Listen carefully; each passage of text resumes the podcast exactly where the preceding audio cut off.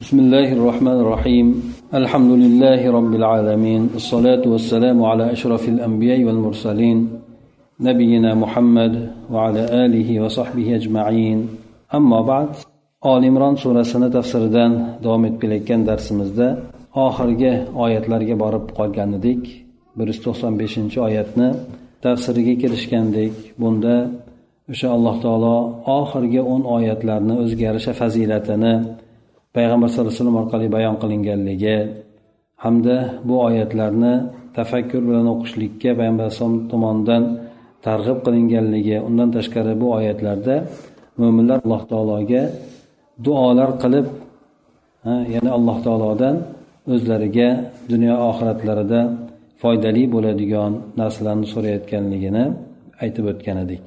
Ana undan keyin mo'minlar alloh taologa huzur bilan shu bilan duo qilganlaridan keyin alloh taolo ularni duolarini ijobat qilib demak qaysi bir mo'min odam bo'ladigan bo'lsa erkak bo'lsin ayol bo'lsin ularni qiladigan amallarini alloh taolo hech ham zoya qilmayman deb turib va'da berdi ana undan keyin alloh taolo yana o'sha oyatni davomida aytadiki فالذين هاجروا وأخرجوا من ديارهم وأوذوا في سبيلي وقاتلوا وقتلوا لأكفرن عنهم سيئاتهم ولأدخلنهم جنات تجري من تحتها الأنهار ثوابا من عند الله والله عنده حسن الثواب alloh taolo oyatni boshida biron bir amalni zoya qilmayman degandan keyin mo'minlarni xosatan o'sha payg'ambar alayhisalom davridagi sahobalarni ko'zga ko'ringan katta amallarini bayon qilib o'tdi bu birisi hijrat masalasi edi hijrat bu farz amal bo'lganida ularni juda ham katta bir darajaga ko'targan edi ana o'shandan muhojirlar degan nomga ham ular sazovor bo'lgan edi. O'shandek demak allohni yo'lida hijrat qilgan diyorlaridan chiqarib yuborilgan yana meni yo'limda ozorlanib jang qilgan buni ustiga yana jangda shahid bo'lgan kimsalar bo'ladigan bo'lsa albatta bularni qilgan amallari hech ham zoyi bo'lmaydi. Aksincha alloh taolo bularni o'sha qilgan amallari sabablik xato kamchiliklar mabodo bo'ladigan bo'lsa ularni albatta albatta kechiraman. Buni ortidan esa ularni ostlaridan daryolar oqib o'tadigan bog'roqlarga ya'ni jannatlarga kirgizaman deb alloh taolo ta'kid bilan bu yerda bayon qilib o'tyapti. Albatta bu narsa bu mukofot bunday bo'lgan mukofotlar alloh taolo tomonidan ularga berilgan savoblardir. Ya'ni ular hayoti mobaynida alloh taoloni hijratga bo'lgan chaqirig'iga labbay deb javob qilishdi. Alloh taoloni yo'lida sabru sabot bilan turishdi. Payg'ambar sallallohu alayhi vasallamni jihodga bo'lgan chaqiriqlariga ijobat qilishdida ana o'shandek hayoti mobaynida alloh va rasuliga itoat qilib o'tayotgan kimsalarni alloh taolo mabodo xato kamchiliklari bo'ladigan bo'lsa albatta ularni kechiramanda oqibatida ularni o'zim tomonidan bir mukofot qilib bularni jannatlarga kirgizaman deb aytib o'tadi. vallohu indahu husnul savob albatta alloh taoloni huzurida mana bunday bandalarga juda ham chiroyli bo'lgan mukofotlar bordir mufassir bu oyatlarni tafsirida aytadiki فالذين هاجروا وأخرجوا من ديارهم وأوذوا في سبيلي وقاتلوا وقتلوا أي فالذين هاجروا أوطانهم فارين بدينهم من الكفار الفجار وآذاهم أعداء الله بأنواع أعداء الله بأنواع بأنواع الأذى وجاهدوا بأموالهم وأنفسهم لإعلاء كلمة الله وقاتلوا الكفار في سبيل الله واستشهدوا في الجهاد يعني bular vatanlarini hijrat qilib ketganlar ya'ni din kofir fojir bo'lgan jinoyatkor bo'lgan kofirlardan dinlarini olib qochib vatanlarini tark qilib ketgan hamda alloh taoloning dushmanlari turli tuman ozorlar bilan ozorlagan. Shu jumladan keyin alloh taoloni kalimasini oliy qilishlik uchun mollariyu jonlari bilan jihod qilgan. Kofirlarga alloh taoloni yo'lida qarshi kurashgan. Hatto bu yo'llarda o'sha jihodlarda shahid bo'lgan kimsalar bo'ladigan bo'lsa ularni albatta albatta gunohlarini kechiraman. Ularni ostlaridan daryolar oqib o'tadigan jannat bog'roqlariga kirgizaman deb alloh taolo aytgan oyatini tafsirida aytadiki ay vallohi ya'ni alloh taolo o'zi qasam ichib o'sha lom qasamga javob bo'ladida o'sha qasam ekanligiga dalolat qiladi.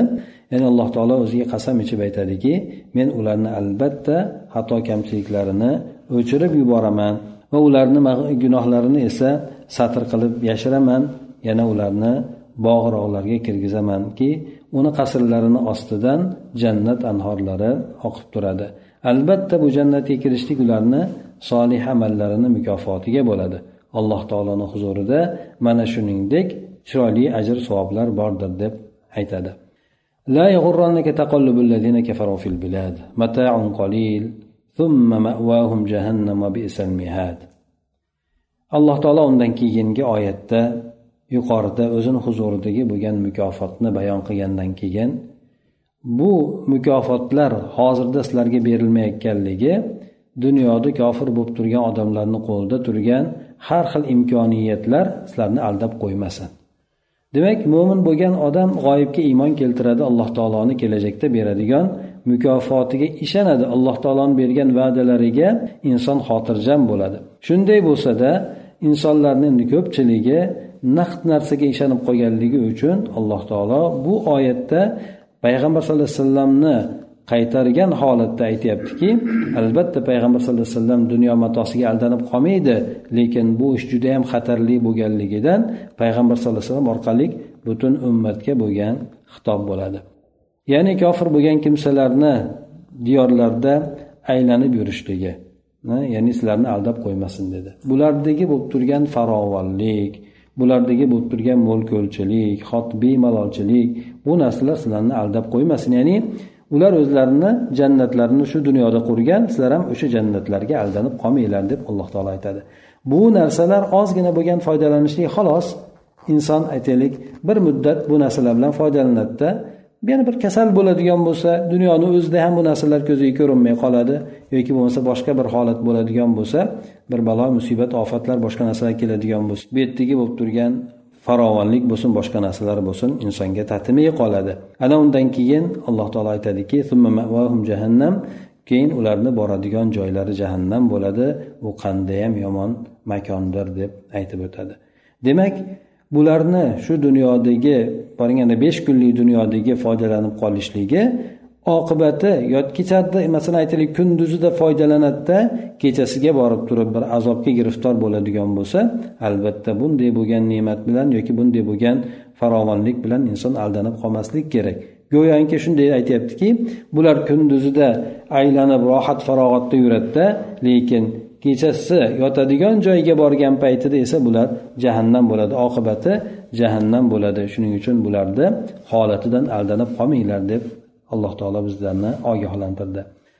Mufassir aytadiki ay la ila ma alayhi kuffar min as-sa'ati va basti rizq va la tanqadi bi zahiri ma tara min ahwalihim wa tanaqqulihim fil bilad talaban li kasb fa innahum biha qalilan thumma masiruhum وبئس الفراش والقرار نار جهنم mufassir aytadiki demak siz kofirlar bo'lib turgan kengchilik mo'l shu narsalarga qarab yotmang bularda siz ko'rib turgan o'sha shaharlarda aylanib yurishligi bularni holatlari tashqi ko'rinishi bilan aldanib qolmang bular o'sha mol dunyo kasbi uchun mol dunyoni pul topaman deb yoki mol dunyo topaman deb dunyoda xohlagan joylariga borib hech qanaqangi bir to'siqsiz bo'lib turgan holatlari yurgan holatlari bilan siz aldanib qolmang. Albatta bular bu narsalar bilan ozginagina foydalanishadi. Xolos keyin esa ularni oqibati yashaydigan joyi do'zax bo'ladi. Bu qandayyam yomon shu jahannam o'ti inson uchun judayam yomon qarorgohdir yoki qo'nim topadigan joydir deb aytib o'tadi. Haqiqatdan hozirgi paytda musulmon bo'ladigan bo'lsa har joylarda to'siqlarga uchraydi. Kofir bo'ladigan bo'lsa oldin hech qanaqangi muammosi o'tib ketadi. Bu e, samolyotda turgan bo'lsin avtobusda bo'lsin poyezdda bo'lsin qayerda bo'ladigan bo'lsa kofir bo'ladigan bo'lsa ular unchalik e'tiborni qaratmaydi. U bemalol xotirjam o'tib ketaveradi. Ha ichida qanaqa gumon qanaqa niyatda chiqqan bo'lishidan qat'iy nazar. Lekin musulmon bo'lgan odamni qancha joylarda tekshiruv ularni ustida kuzatuv boshqa demak judayam qiyin holatda bo'ladi ba'zan inson o'ylab qoladi o'sha kofirlarni agar iymoni zaif odam bo'ladigan bo'lsa kofirlarni holatini havas qilib qoladi. Ana o'shanday bo'lgan narsalardan alloh taolo bizlarni ogohlantiryapti. Quyida ham oyatni surani oxirida keltiradi inson albatta sabr qilishligi to'g'risida. Lekin bu yerdagi aytilayotganligi demak kofir bo'lgan odamlarni holatidan aldanib qolmang deyishligi haqiqatdan ancha muncha dini zaif bo'lgan odamlar bu holatlar bilan aldanib qoladi. Bu diyorlarga kelgan paytda hangu mang bo'lib turib ko'pi din diyonatidan ham kechib yuboradi. Ana undan keyin yana mufassirni gapida keltiradiki rivoyat qilinishicha ba'zi musulmonlar mushriklarni juda farovonlikda kengchilikda ko'rishardi. Aytishardiki alloh taoloni dushmanlari biz ko'rib turgan yaxshilikda kengchilikda bo'lib turibdi. Biz esa qiyinchilik bo'lsin ochlik bo'lsin baloyi ofatlar bo'lsin har xil qiyinchilik sinovlar bo'lsin shundaylarda turibmiz deydi. demak undan keyin oyat mana shu yuqoridagi bo'lgan oyat nozil qilindi deydi so'ng undan keyin alloh taolo aytdiki لكن الذين اتقوا ربهم لهم جنات تجري من تحتها الأنهار خالدين فيها نزلا من عند الله وما عند الله خير للأبرار bu yuqorida aytib o'tilgan oyatni go'yoki davomi sifatida shoshmanglar shoshmanglar ulardan aldanib qolmanglar taqvodor bo'ladigan kimsalar hali ular uchun jannatlar bor deb. Yuqorida jannat to'g'risida ma'lumot berib o'tib ketdi. Ya'ni yuqoridagi jannat o'sha yaxshi amallarda bardavom bo'lgan odamlar uchun xos qilib aytib o'tdi unda. Undan keyingi oyatda kofirlar bilan aldanib qolmanglarda lekin alloh taolodan qanchalik kim taqvo qiladigan bo'lsa ular uchun beriladigan judayam katta mukofot bor. Bu narsa o'sha ostilaridan anhorlar oqib turadigan jannat bog'roqlar bo'ladi. Ular u yerda abadiy bo'lishadi. Bular alloh taoloni mehmoni bo'ladi. alloh taoloni huzuridagi hamma narsa yaxshi odamlar uchun judayam yaxshilikdir deb aytib o'tadi. مفسر كيلتر ويتاديكي أي لكن المؤمن لكن المؤمنون المتقون الذين اتقوا عذاب الله بطاعته وامتثال أوامره فهؤلاء لهم في الآخرة حدائق تجري من تحت قصورها أنهار الجنة ما ماكثين في هذه هذا النعيم أبدا لكن الله تعالى عصابدا taqvo qilib qo'rqadigan mo'min bo'lgan odamlar albatta bu narsa alloh taologa toat qilishlik buyruqlariga bo'ysunishlik bilan bo'ladi. Ana o'shanday kimsalar uchun oxiratda qasrlarini ostlaridan jannat anhorlari oqib turadigan bog'roqlar bor ular uchun. Ular u ne'matlarda abadiy bo'ladilar deb alloh taolo aytib o'tdi. Demak yuqoridagi bo'lgan kofirlarni holatini aytgan paytida boshlanishida ular go'yoki rohat farovonlikdayu lekin oqibatida esa ular jahannamga boradi. Judayam yomon joy deb turib aytib o'tdi. Mo'minlarnikida esa bu oxiratga borishligi bilan ularga jannat bo'ladida bu yerda esa ular abadiy bo'ladi. Bu rohat ulardan ketib qolmaydi. Demak kofirlarni qo'lidagi rohat farovonlik bu vaqtinchalik bo'lgan narsa.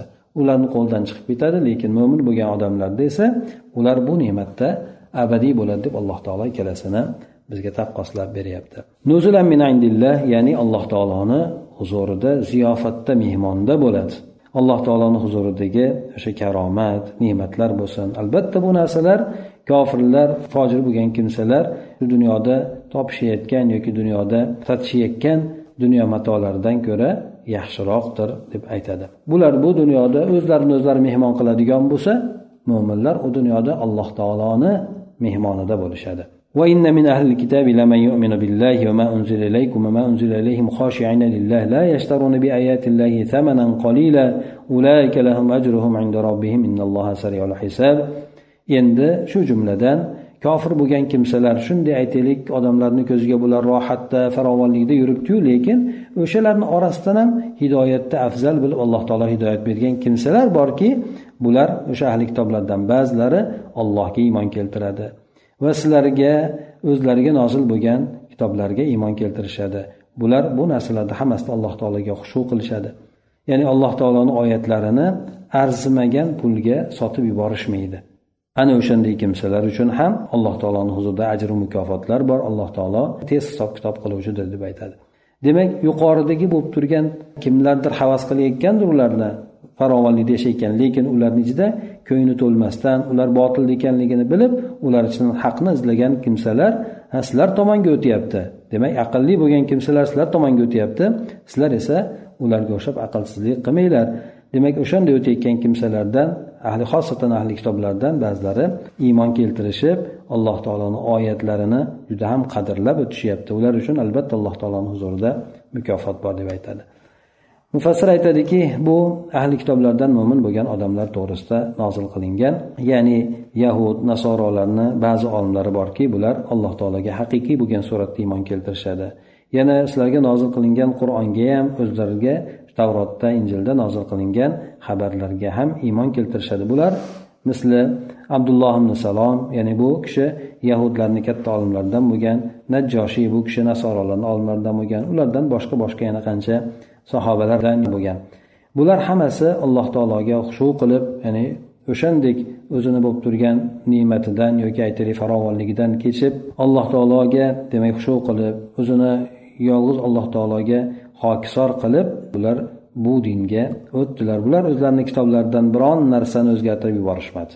Ya'ni arzimagan dunyo matosiga erishishlik uchun kitoblarini buzib yuborishmadi. Ya'ni nariyog'dagi aytilgan ko'plab yahudlarni nasorolarni olimlari bordiki bular alloh taolo ularni payg'ambar sallallohu alayhi vasallamni sifatlarini bekitishlikda aybladi. Ular xuddi farzandlarini tanigandek payg'ambar alayhisalomni sifatlari bilan tanishardi deb ularni alloh taolo ayblab o'tgan. Bu kimsalar esa o'shandek odamlarni aldab turishmadida balki haqqa bo'ysunishlikdan boshqa ilojni topishmadi.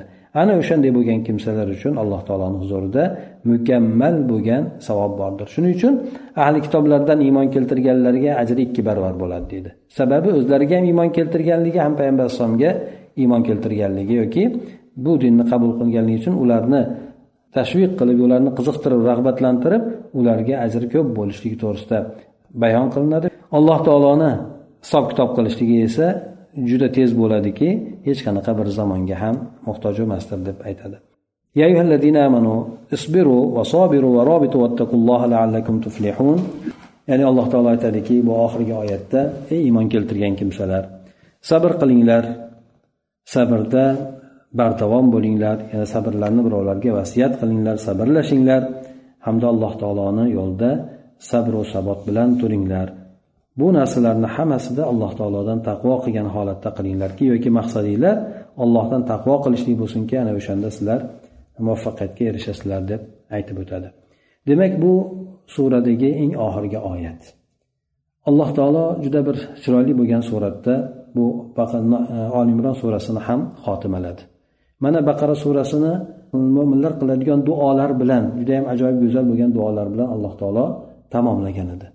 Bu surani esa oxirida mo'minlarga bir qancha qimmatli bo'lgan vasiyatlarni berishlik bilan bu surani xotimaladi.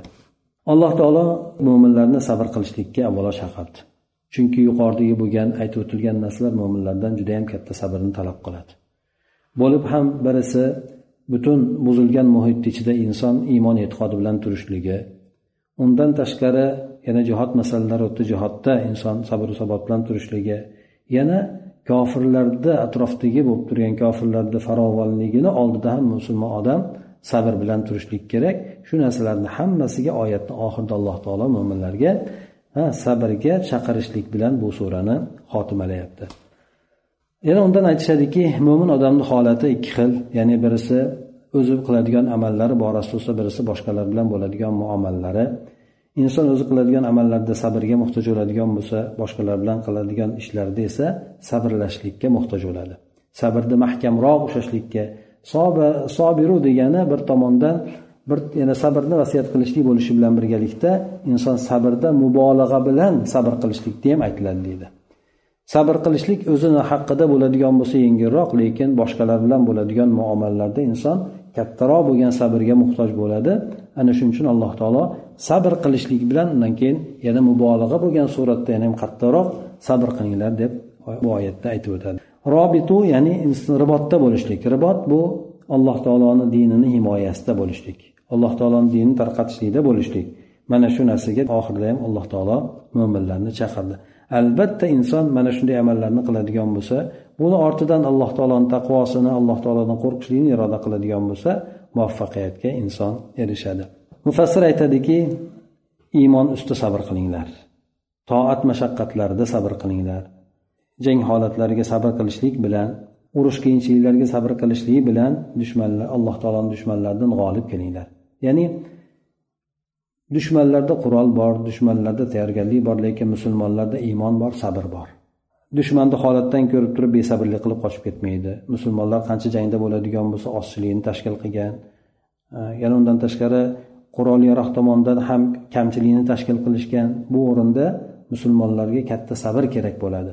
Ana o'sha narsa musulmonlarni sabr qilishlikka chaqiruv ham borki shu narsa ularga alloh taoloni nusratini olib keladi.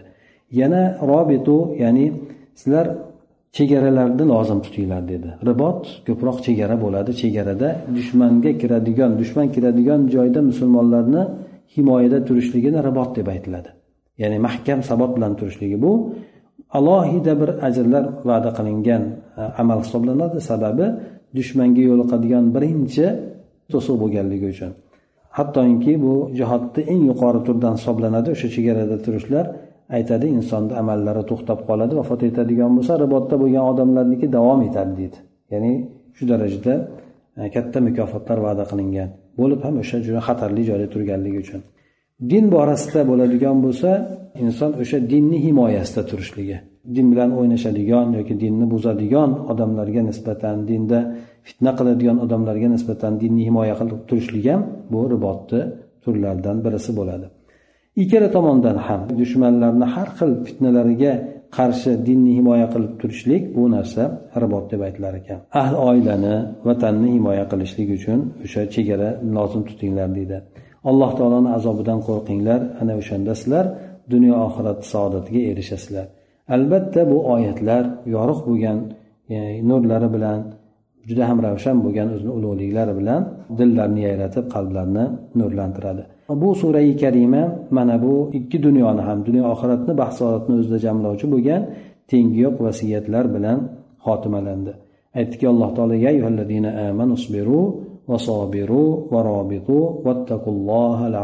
tuflihun. Iymon keltirgan kimsalarni alloh taolo to'rtta narsaga buyurdi. Bular birinchisi sabr qilishlik aytganimizdek keyin sabrda juda yam qattiqroq turishlik ribotda ya'ni din himoyasida mahkam turishlik ana undan keyin hammasini jamlovchi bo'lgan alloh taolodan taqvo qilishlik allohni azobini azobidan inson allohga itoat qilishlik bilan himoyalanishligi mana shu narsalar insonni muvaffaqiyatga borishligini aytib o'tildi hadisda keladiki aynan ila tamassuhuman naru aynun bakat min khashyatillah va aynun batat tahrisu fi sabilillah rawahu termiziy ikkita ko'zga o't tegmaydi dedi. Ya'ni ikkita ko'zga o't tegmaydi degani do'zaxga kirmaydi degani. Birinchisi ollohdan qo'rqib yig'lagan ko'z dedi ikkinchisi esa ollohni yo'lida qo'riqlab yotgan ko'z dedi ha ollohni yo'lida qo'riqlab qo'riqchi bo'lgan odam uxlamaydi. Chunki qo'riqlab chiqish kerak endi. Himoya qilib chiqish kerak. Ortida ularni askar bor ortida vatani bor ortida ahli oilasi bola chaqalari bor. Buni himoyasida turgan odam ko'zini uyquga bermaydi. Ana o'sha ko'zga alloh taolo tomonidan katta narsa va'da qilindi. Yana birisi esa aytib o'tgandek alloh taolodan qo'rqib yig'lagan ko'z. Demak ikkala tomonda ham. Ham inson o'zini o'rnida agar qo'riqchilikda bo'ladigan bo'lsa qo'riqchilikda qo'riqchilikdan boshqada esa ibodatda mukammalroq bo'lgan insonlarga alloh taolo tomonidan ana shunday mukofot va'da qilindi. Mana bu oli imron surasini oxirlarida kelgan o'n oyat bu musulmon odam o'sha oyat o'z ichiga olgan alloh taoloni yaratishligi juda ham bir ajoyib suratda bir insonni yoki bir koinotni hammasini yuzaga keltirganligi shu narsalar to'g'risida tafakkur qilishligi. Yana bu yerda inson fikr yuritishligi albatta qalbida ibratni keltirib chiqaradi. Inson ibrat olishligiga undaydi shundan hasan basr rahmaulloh aytgan ekanlarki bir soat tafakkur qilishlik alloh taolo yaratgan maxluqotlari haqida inson bir soat tafakkur qilishligi bu insonni iymonini juda ham ziyoda qiladi. Bu narsa albatta bir kecha kunduz ya'ni qiyomillayl qilgandan ko'ra afzalroq degan ekan. Namoz o'qigandan ko'ra afzalroq. Nimaga? Chunki uni samarasi insonni iymonini ziyoda bo'lishligiga bevosita kuchliroq ta'sir qiladi inson tafakkur qilishligi alloh taoloni yaqindan taniydi. Albatta ibodat qilishlikda ham inson allohga yaqin bo'ladi lekin allohni yaxshiroq tanishligi o'sha yaxshiroq ibodatiga ham sabab bo'ladi. Shundan ibn umar roziyallohu anhu agar qalbini bir yana yo'qlab qo'yishlikni xohlaydigan bo'lsa xarobazor bo'lgan joyga kelib turib eshigini tagida turar ekanda aytar ekan qayg'uli bo'lgan ovoz bilan duo qilar ekanki odamiylar qani bu yerdagi yashovchilar qani bu yerdagi? deb uyga xitob qilar ekan. Senda yashaganlar qani? deb turib ya'ni xarobazor degani ya'ni vayron bo'lib buzilib ketgan joylardada endi. Keyin o'ziga qaytib aytar ekanki hamma narsa yo'qolib ketadi bu dunyoda. Faqatgina alloh taoloni o'zi qoladi.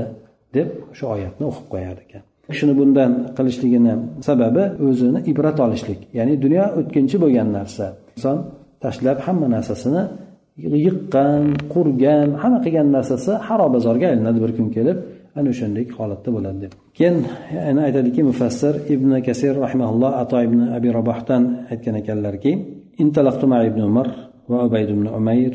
Ibn umar roziyallohu anhu bilan ubayd ibn umayr bilan ikkalari bilan birga bordim deydi. Keyin biz oysha roziyallohu anhoga kirishlikka ruxsat so'radik.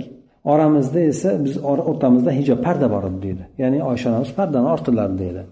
Shunda ibn umar roziyallohu anhu aytdilarki e, bizga siz rasululloh alayhi vasallamdan eng ko'rgan judayam bir ajablanarli bo'lgan holatni bir aytib bermaysizmi bizga. Ya'ni payg'ambar sallallohu alayhi vasallamdan siz ko'rgan judayam bir ajib narsa bo'lsin.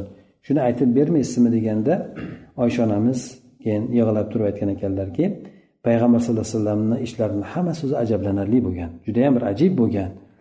Bir kuni bir kechasida meni oldimga ya'ni meni meni oldimda yotadigan kechasida meni oldimga keldilar dedi. Shunda meni to'shagimda yonboshladilar hattoki terisi terimga tegdi dedi. So'ng menga aytdiki oyisha dedi. Men uchun bu kechada robbimga ibodat qilishligimga izn berasizmi? dedi.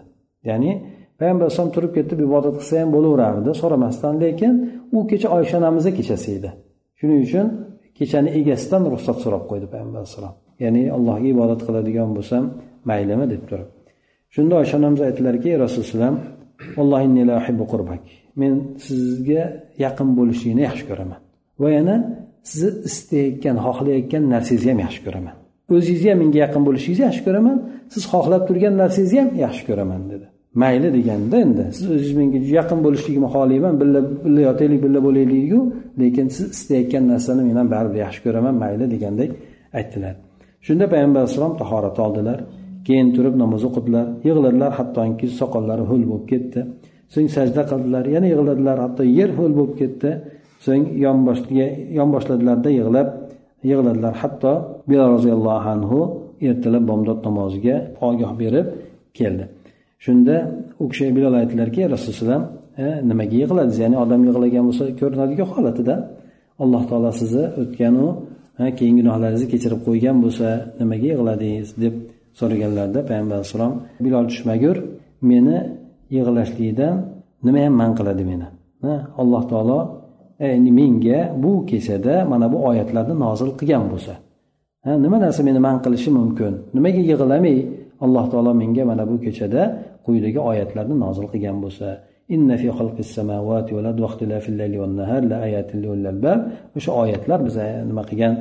E, oxirida tafsirida aytib o'tgan o'n oyatlar e, surasini oxirigacha shuni o'qib turib payg'ambar alayhissalom keyin aytdilarki buni o'qiganu bunda tafakkur qilmagan odamlarga vayl bo'lsin. Deb aytgan ekanlar payg'ambar alayhisalom demak judayam katta bir ma'nolarni o'z ichiga olgan alloh taolo tomonidan avvalo alloh taolo o'zini tanitgan mo'minlarga qanday duo qilishligini o'rgatgan ularni ijobat qilishligi har qanaqangi yaxshi qiladigan amallarni alloh taolo zoyi qilmasligi undan keyin o'z tomonidan juda yam chiroyli mukofotlashligi kofirlar bilan ularni holatlaridan aldanib qolmaslik yana undan keyin alloh taolo uni muqobilda sizlarga juda yam katta narsalarni va'da qilaman narsalarni olib qo'yganman dedi mukofot. Alloh taoloni huzurida mehmon bo'lasizlar dedi. Ana undan keyin oyatni yoki surani oxirida alloh taolo sabr bilan turinglar. Hayotinglarni oxirigacha iymonda mustahkam turinglar deb o'sha din himoyasi uchun ham undan keyin alloh taoloni taqvo qilishlikka ham alloh taolo chaqiriqlar qilib bu surani tugatdi. Ana o'shandek bularni o'qib turib tafakkur qilmagan odamlarga vayl bo'lsin deb payg'ambar alayhissalom aytgan ekanlar shu bilan oli imron surasi tafsiri tugadi inshaalloh keyin e, niso surasini tafsiridan boshlaymiz سبحانك اللهم وبحمدك نشهد أن لا إله إلا أنت نستغفرك ونتوب إليك اللهم انفعنا بما علمتنا وعلمنا ما ينفعنا وزدنا علما